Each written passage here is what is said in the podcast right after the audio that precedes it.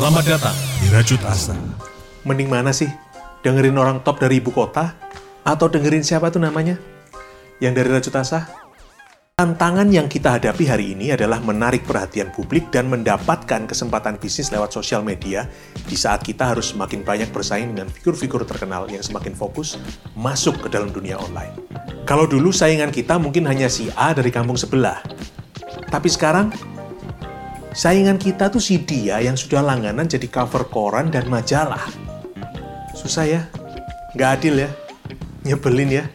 Kenapa sih mereka kok mesti ngambil kesempatan kita? Sulit? Iya. Mustahil?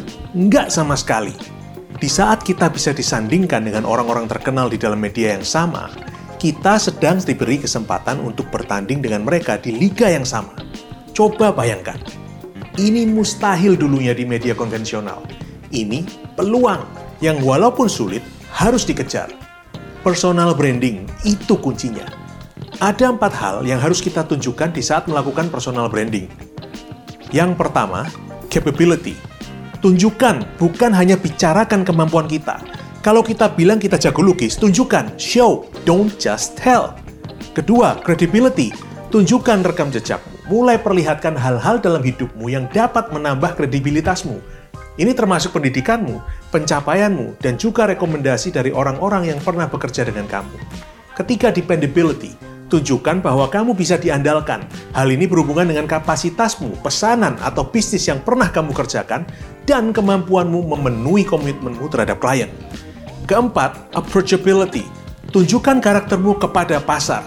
Jadilah pribadi yang ramah dan enak diajak berdiskusi. Layani calon klien dengan baik dan profesional. Gunakan kata-kata yang mudah dimengerti dan tidak membuat kamu terkesan sok dan sulit dimengerti. Tapi, dia kan orang terkenal. Gimana caranya bisa bersaing dengan dia? Justru karena kita belum terkenal, kita lebih dekat dengan pasar kita.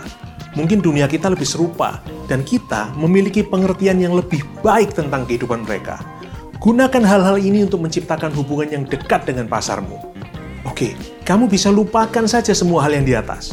Tapi harus ingat dua hal ini. Yang pertama, show, don't just tell.